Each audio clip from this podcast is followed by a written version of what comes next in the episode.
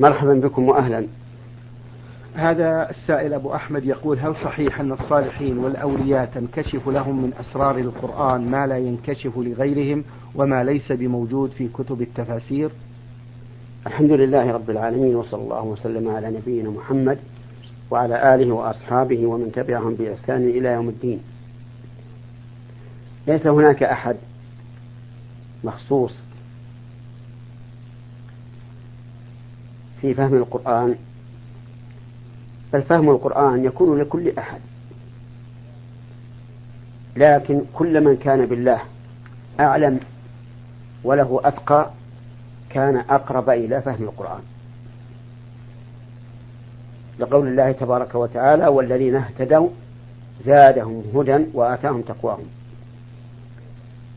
ولما قيل لعلي بن أبي طالب رضي الله عنه هل عهد إليكم رسول الله صلى الله عليه وعلى آله وسلم بشيء؟ يعني من جهة الخلافة قال لا والذي فلق الحبة وبرأ النسمة إلا فهما يؤتيه الله تعالى أحدا من عباده في كتاب الله وما في هذه الصحيفة. قال وما في هذه الصحيفة؟ قال العقل وفكاك الأسير وأن لا يقتل المسلم بالكافر لكن هناك أناس يدعون أنهم أولياء وأنه يفتح لهم في القرآن معاني معان باطنة لا يعرفها أحد. ويجعلون آيات القرآن رموزا وإشارات. يجعلون ألفاظ القرآن رموزا وإشارات لمعاني لا تفهم من ألفاظ القرآن بمقتضى اللغة العربية ولا بمقتضى الحقيقة الشرعية.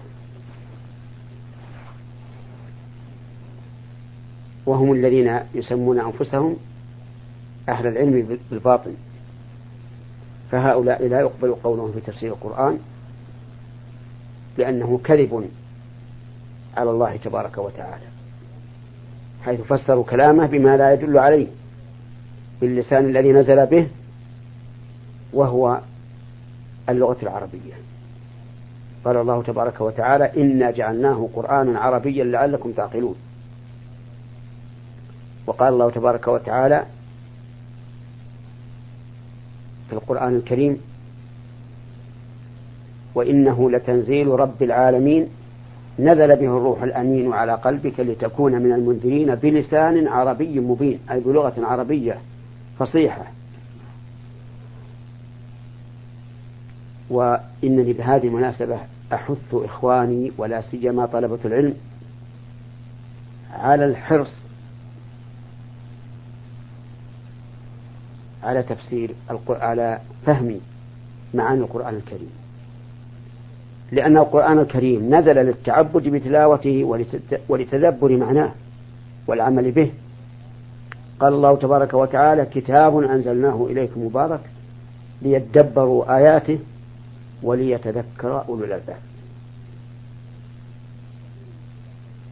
وكثير من طلاب العلم حريصون على فهم السنة التي وردت عن النبي صلى الله عليه وعلى آله وسلم بحثا وتدقيقا ومراجعة لكلام العلماء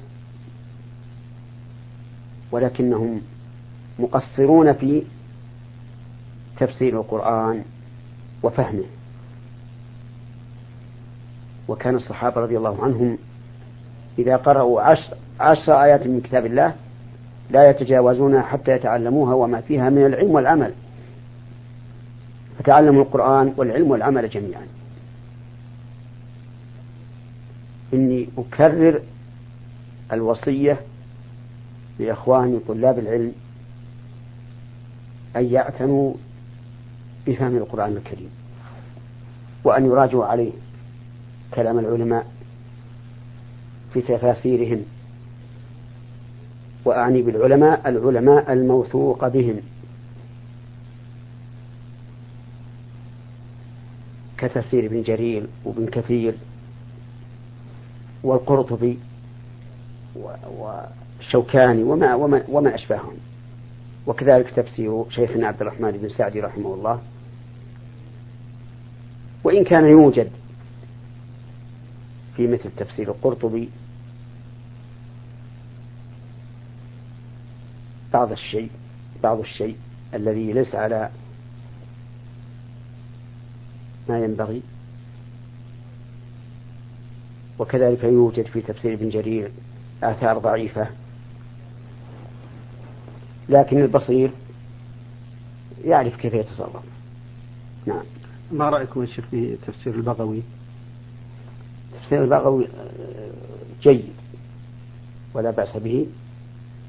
لكن آه، أحث إخواني السامعين على مراجعة مقدمة تفسير للشيخ الإسلام ابن تيمية رحمه الله. تكلم عن التفاسير التي مرت به كلاما جيدا. فلتراجع. أحسن الله إليكم. هل بسم الله الرحمن الرحيم آية من الفاتحة؟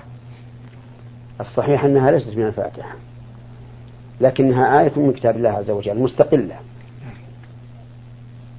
ويدل لهذا الخبر والعمل. أما الخبر فقد أخبر النبي صلى الله عليه وعلى آله وسلم أن الله تعالى قال قسمت الصلاة بيني وبين عبدي نصفين.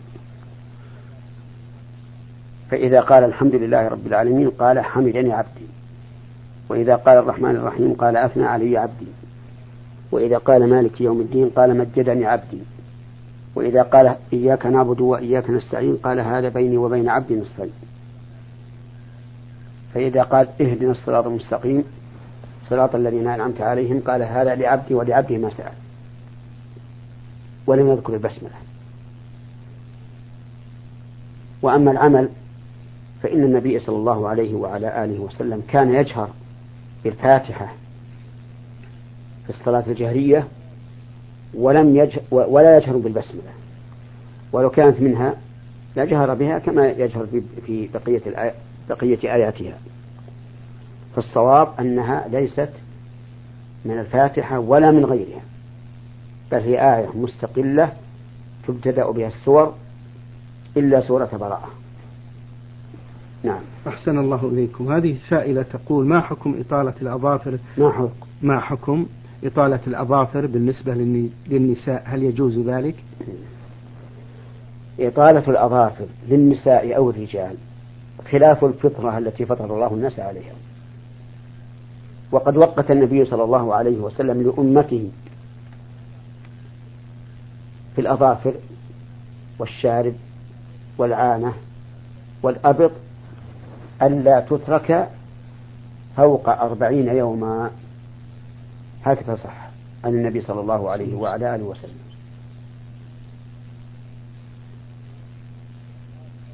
إذا لا تطول الأظافر لا بالنسبة للرجال النساء ولا ولا بالنسبة للرجال بل لا تترك فوق أربعين يوما. نعم. أحسن الله إليكم. من أسئلة هذه السائلة تقول قال الله تعالى والذين آمنوا أشد حبا لله. ما هي المحبة المقصودة في الآية؟ هل هي فعل ما أمر الله به وترك ما نهى عنه؟ المحبة في القلب. وكل أحد يعرف المحبة والبغض والكراهة. نعم. لكن من آثار محبة الله أن يقوم الإنسان بطاعة الله عز وجل طلبا للوصول إليه تبارك وتعالى.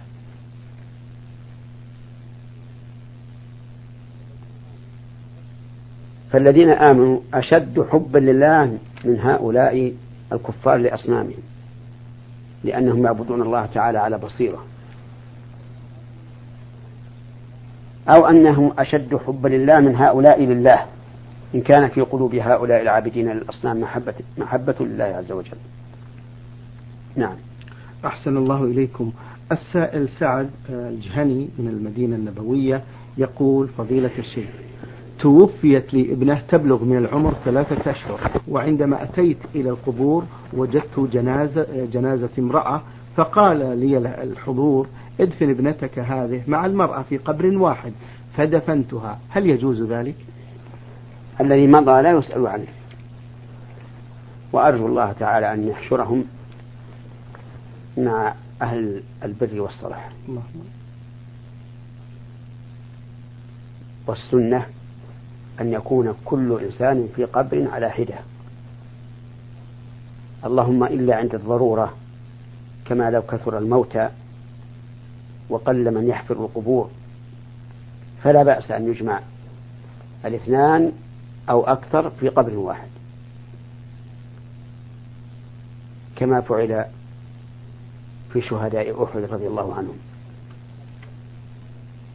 ويقدم إلى القبلة أكثرهم قرآنا.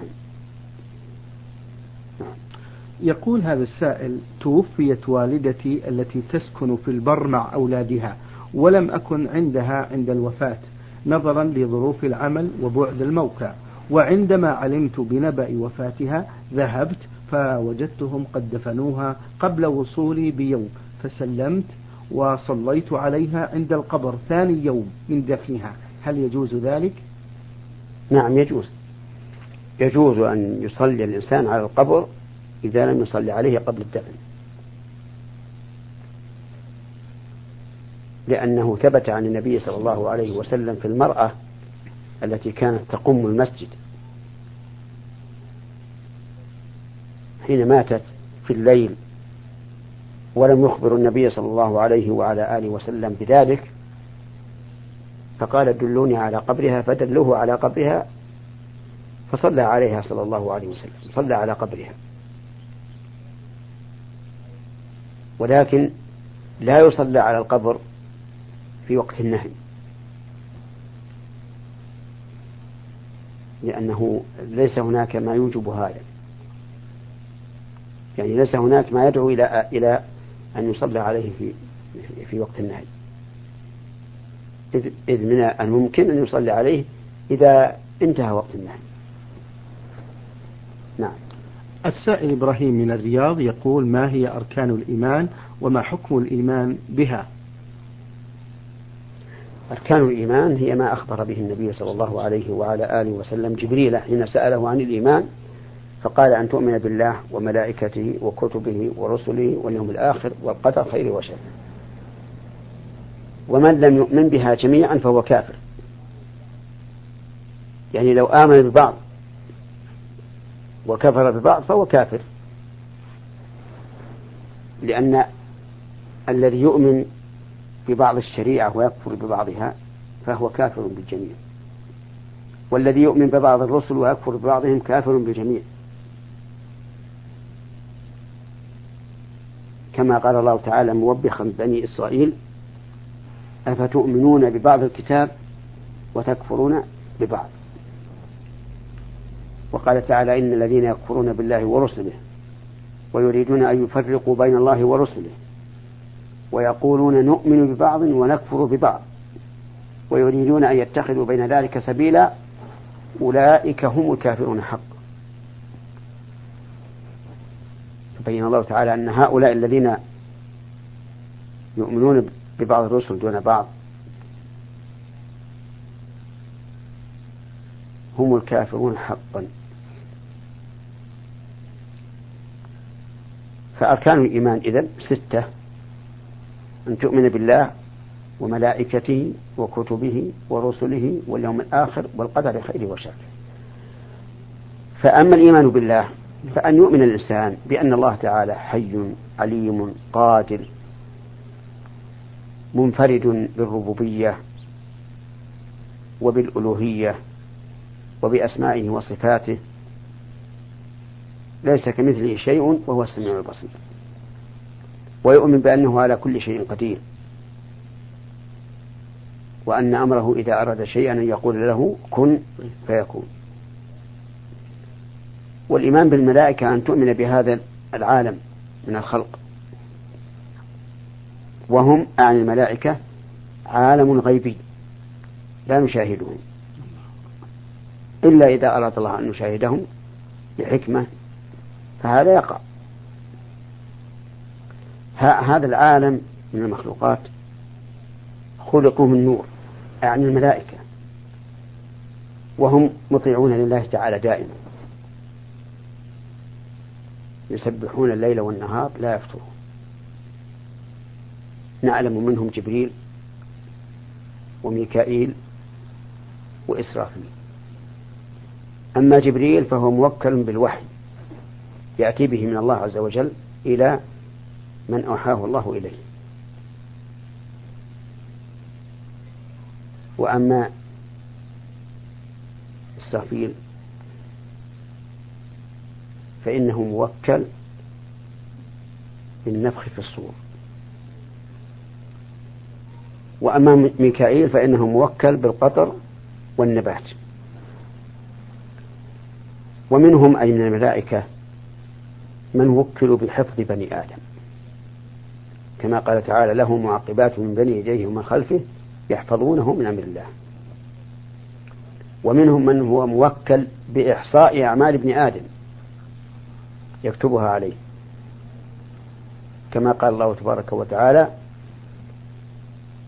ونحن نعم كما قال الله تعالى ولقد خلقنا الإنسان ونعلم ما توسوس به نفسه ونحن أقرب إليه من حبل الوريد إذ يتلقى المتلقيان عن اليمين وعن الشمال قعيد ما يلفظ من قول إلا لديه رقيب عتيد. فهم عن إيماننا وعن شمائلنا لكن لا, لا نراهم. وقد يرى الملك بصورة إنسان مثلا كما جاء جبريل. عليه السلام إلى النبي صلى الله عليه وسلم في في صورة رجل شديد بياض الثياب شديد سواد الشعر لا لا يرى عليه أثر السفر ولا يعرفه أحد من الصحابة. جلس إلى النبي صلى الله عليه وسلم جلسة المتأدب وأسند ركبتيه إلى ركبتيه ووضع كفيه على فخذيه. ثم سأل النبي صلى الله عليه وعلى آله وسلم عن الإسلام والإيمان والإحسان والساعة وأشراطها. والملائكة عليهم الصلاة والسلام صمد لا يأكلون ولا يشربون. وهم عدد لا يحصيهم إلا الله عز وجل. كما جاء في الحديث أطت السماء وحق لها أن تئط. ما من موضع أربع أصابع إلا وفيه ملك قائم لله أو راكب أو ساجد. وأخبر النبي صلى الله عليه وسلم عن البيت المعمور أنه يدخله كل يوم سبعون ألف ملك ثم لا يعودون إليه. وهذا يدل على كثرتهم العظيمة. الإيمان بالله وكتبه الإيمان بكتب الله. هذا الركن الثالث من أركان الإيمان. كتب الله المنزلة نعرف منها التوراة والإنجيل والزبور وصحف إبراهيم وموسى. وخاتمها القرآن الكريم المنزل على محمد صلى الله عليه وعلى آله وسلم. ورسله جمع رسول وهم الذين أرسلهم الله تبارك وتعالى إلى البشر. وهم من بني آدم. يلحقهم من العوارض الجسدية ما يلحق بني آدم. ويتميزون عن بني آدم بما أعطاهم الله تعالى من النبوة والأخلاق والشمائل. نعرف منهم عددا كبيرا. ومنهم من لم نعلم لم يقص الله علينا. لكن يكفينا الإجمال أن نؤمن بالله وملائكته وكتبه ورسله. ومن علمناه بعينه آمنا به بعينه. اليوم الآخر هو يوم القيامة. وسمي آخر آخرا لأنه لا يوم بعده. قال شيخ الإسلام رحمه الله ويدخل في الإيمان باليوم الآخر كل ما صح عن النبي صلى الله عليه وسلم مما يكون بعد الموت. كفتنة القبر وعذابه أو نعيمه. لأن كل من مات فقد قامت قيامته. انتهى. انتقل إلى اليوم الآخر.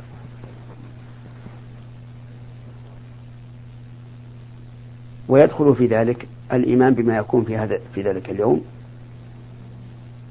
من حشد العالم كلهم. في صعيد واحد يسمعهم الداعي وينفذهم البصر. وما ذكر في ذلك اليوم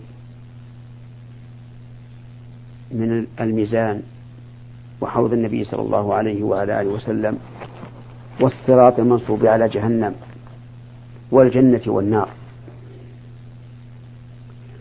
وغير ذلك مما جاء مما صح في مما صح مما جاء به القرآن وصحت به السنة. والقدر خيره وشره. القدر يعني تقدير الله عز وجل. والله تبارك وتعالى قدر كل شيء. قال الله تعالى وخلق كل شيء فقدره تقديرا. ومراتب القدر أربع الأولى أن تؤمن بعلم الله تعالى المحيط بكل شيء جملة وتفصيلا. فإن الله تعالى عالم بكل شيء كان أم لم يكن. لا يخفى عليه شيء في الأرض ولا في السماء. قال الله تعالى وعنده مفاتح الغيب لا يعلمها إلا هو ويعلم ما في البر والبحر وما تسقط من ورقة إلا يعلمها ولا حبة في ظلمات الأرض ولا رطب ولا يابس إلا في كتاب مبين.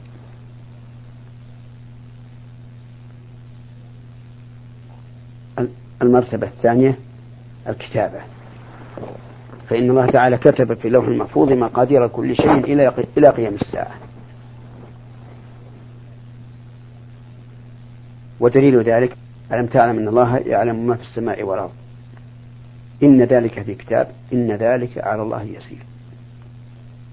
وقال تعالى ما أصاب من مصيبة في الأرض ولا في أنفسكم إلا في كتاب من قبل أن نبرأها إن ذلك على الله يسير. فما كتب في اللوح المحفوظ فلا بد أن يقع. كما قال الله كما جاء في الحديث جفت الأقلام وطويت الصحف. المرتبة الرابعة المرتبة الثالثة أن تؤمن بعموم مشيئة الله عز وجل وأنه ما في الكون من موجود ولا معدوم إلا بمشيئة الله. فهو الذي يحيي ويميت ويعز ويذل ويؤتي الملك من يشاء وينزع الملك من يشاء. حتى أفعالنا نحن كائنة بمشيئة الله.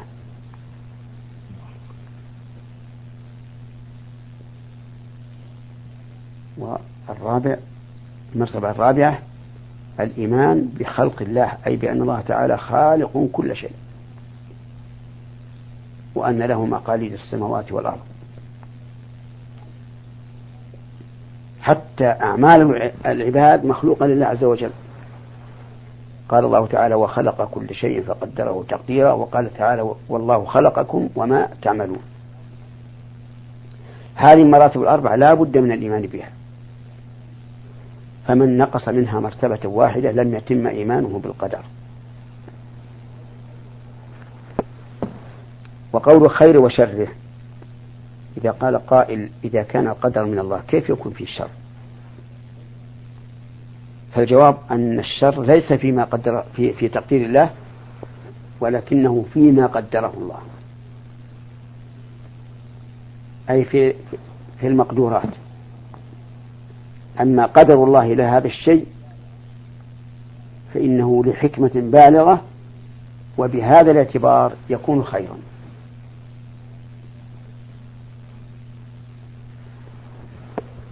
نعم جزاكم الله خيرا وبارك فيكم فضيلة الشيخ. السائل خالد حلمي العتيبي بريدة يقول هل يجوز لمن نوى السفر أن يترخص برخص السفر قبل أن يغادر البنيان أم أنه يشترط في ذلك الخروج من حدود البنيان؟ نعم. يشترط لذلك الخروج من حدود البنيان. ولا يترخص المسافر برخص السفر إلا إذا خرج من البلد وإن كانت قريبة. حتى لو لم يكن بينه بينه وبين حدود البلد إلا مسافة قصيرة فإنه يقصر ويفطر في رمضان. لكن في مسألة الجمع لو كان الإنسان سيسافر في رحلة لا يمكنه أن يق... أن يصلي الصلاة في وقتها. نعم. فهنا له أن يجمع قبل أن يسافر لكنه يجمع ولا يقصر. وذلك لأن الجمع أوسع من القصر. القصر لا ليس له إلا سبب واحد وهو السفر والجمع له أسباب كثيرة ولها ضابط يحيط بها وهو المشقة. فمتى شق على الإنسان أن يصلي كل صلاة في وقتها فله الجمع بين الظهر والعصر وبين المغرب والعشاء. ولهذا يجوز الجمع للمرض للمرض وللمطر الذي يبل الثياب وللوحل في الأسواق ولغير ذلك من الأسباب التي لو لو لم يجمع شق عليه. ففي صحيح مسلم رضي الله رحمه الله أن ابن عباس رضي الله عنهما قال جمع النبي صلى الله عليه وعلى آله وسلم بين الظهر والعصر وبين المغرب والعشاء في المدينة من غير خوف ولا مطر. قالوا ما أراد إلى ذلك؟